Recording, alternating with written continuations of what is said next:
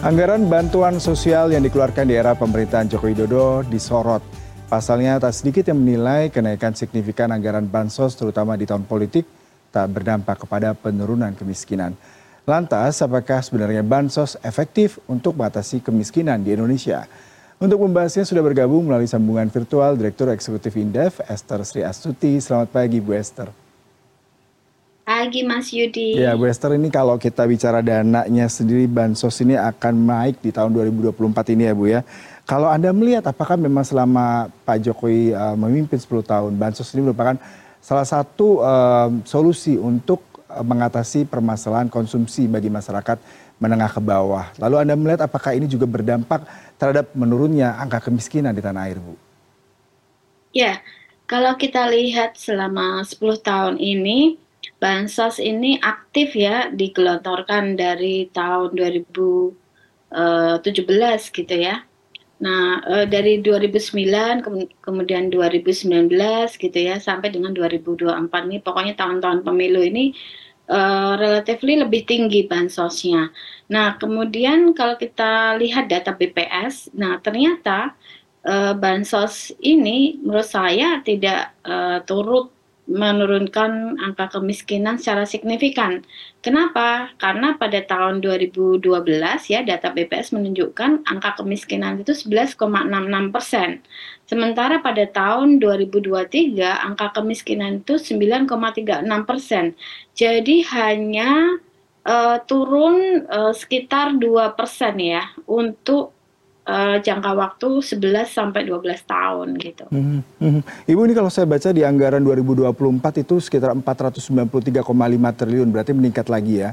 Dan ini dikatakan yeah. sebagai salah satu cara untuk meningkatkan konsumsi masyarakat menangkap bawah, terutama di saat uh, kondisi global, uh, harga-harga komoditi naik, kemudian juga pada saat cuaca pengaruh El Nino. Bagaimana Anda melihat ini Bu sebagai salah satu strategi untuk mengatasi kemampuan masyarakat untuk bertahan hidup? Ya, Uh, kalau menurut saya bansos yang paling tinggi itu pada uh, tahun 2020 pada saat pandemi Covid yaitu 498 triliun. Nah, kemudian El Nino itu pada tahun 2023 harusnya kalau uh, bansos itu dimaksudkan untuk menjadi buffer pengaman dari El Nino itu digelontorkannya uh, di tahun 2023 di saat beras uh, harganya itu naik Rp5.000 ya per kilogram gitu. Jadi kalau tahun 2024 ini sudah masuk masa tanam, sudah hujan terus setiap hmm. hari ya, nggak di Jakarta, nggak di uh, Semarang itu selalu hujan terus uh, hampir tiap hari setiap sore. Jadi menurut saya ini uh, petani juga sudah mulai menanam. Kenapa ini uh, digelontorkan gitu? Kalau saya lihat angkanya tadi kan uh, cukup signifikan ya, uh, sekitar berapa tadi? Saya hitung tujuh setengah persen dari total uh, jumlah penduduk di Indonesia diberikan kucuran uh, beras. Sementara untuk apa pupuk ya bantuan pupuk kepada petani sekitar tujuh setengah juta. Kalau kita bandingkan dengan total penduduk uh, di Indonesia 280 juta, berarti uh, ini kira-kira sekitar dua setengah persen dari total penduduk di Indonesia.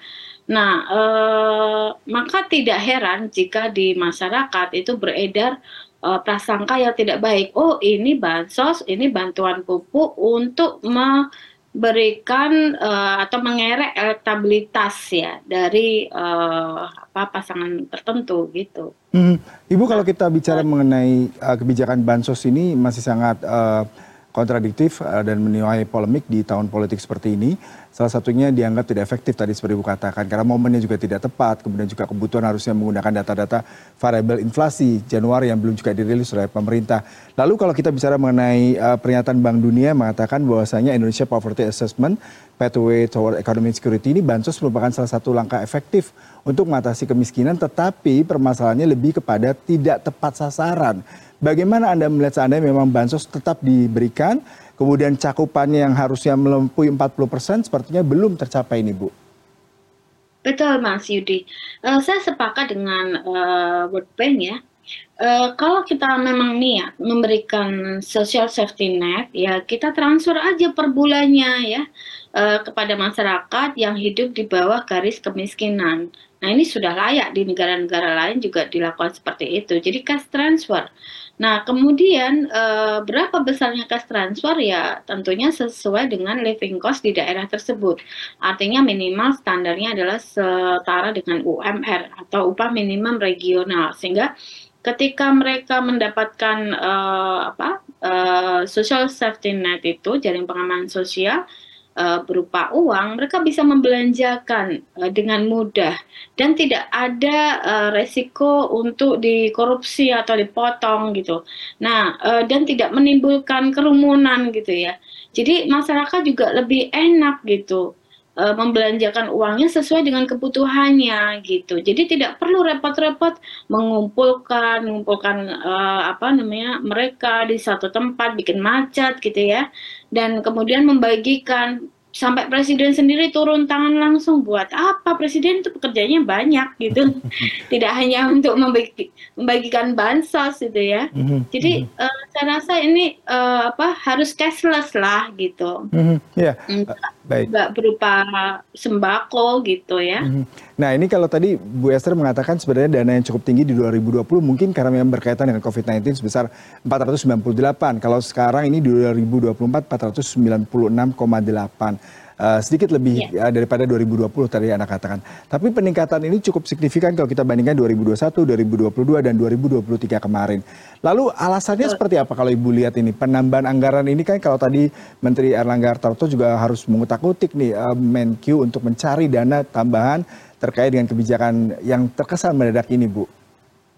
Iya, kesannya mendadak ya. Jadi uh, saya katakan tadi bahwa niat baik itu kalau momennya tidak pas bisa disalahartikan sehingga saya uh, apa berpikir ya uh, prasangka tidak baik yang beredar di masyarakat itu uh, seperti bansos hanya untuk mengerek elektabilitas dari salah satu paslon gitu. Nah, ini kan tidak benar.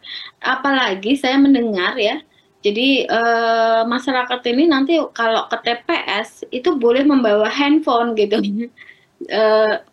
handphone ini buat apa gitu kan? Apakah nanti buat memotret uh, kalau saya sudah nyoblos ini terus dikirimkan dengan pemberinya atau bagaimana gitu kan kita nggak tahu gitu kan makanya untuk menimbulkan uh, untuk mencegah ya mencegah berbagai uh, apa prasangka buruk itu ya sebaiknya tidak dilakukan pada saat tahun-tahun pemilu dan sebaiknya kalau memang dilakukan itu cashless aja gitu cash transfer aja gitu mm -hmm. sehingga nggak perlu lah kerumunan publik kayak gini, hmm. bikin macet mana-mana gitu ya. Iya, Bu Esther nih kalau saya sedikit membacakan rencana pembangunan jangka panjang menengah RPJM 2020-2024 ini, target pemerintah tingkat kemiskinan Indonesia 6 hingga 7 persen, tingkat kemiskinan ekstrim bahkan mendekati 0 persen di tahun 2024. Apakah ini terlalu idealis, terlalu berlebihan, ataukah bisa dilakukan oleh pemerintah dengan melalui salah satunya uh, bansos seperti ini, Bu?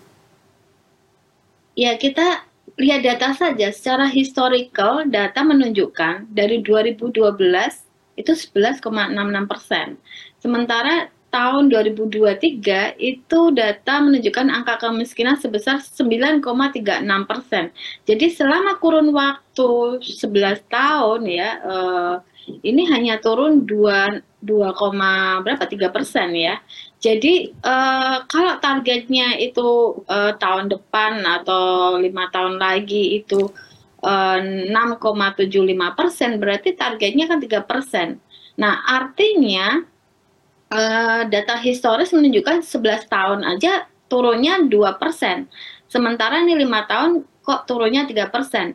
Jadi ini harus ada upaya yang sangat keras dari pemerintah dan uh, upaya sangat keras stakeholder terkait untuk mendukung pemerintah untuk menurunkan target kemiskinan it, apa untuk menurunkan angka kemiskinan tersebut gitu sehingga targetnya tercapai gitu kan mm-hmm. Itu Baik. jadi menurut saya ini uh, terlalu ambisius ya targetnya.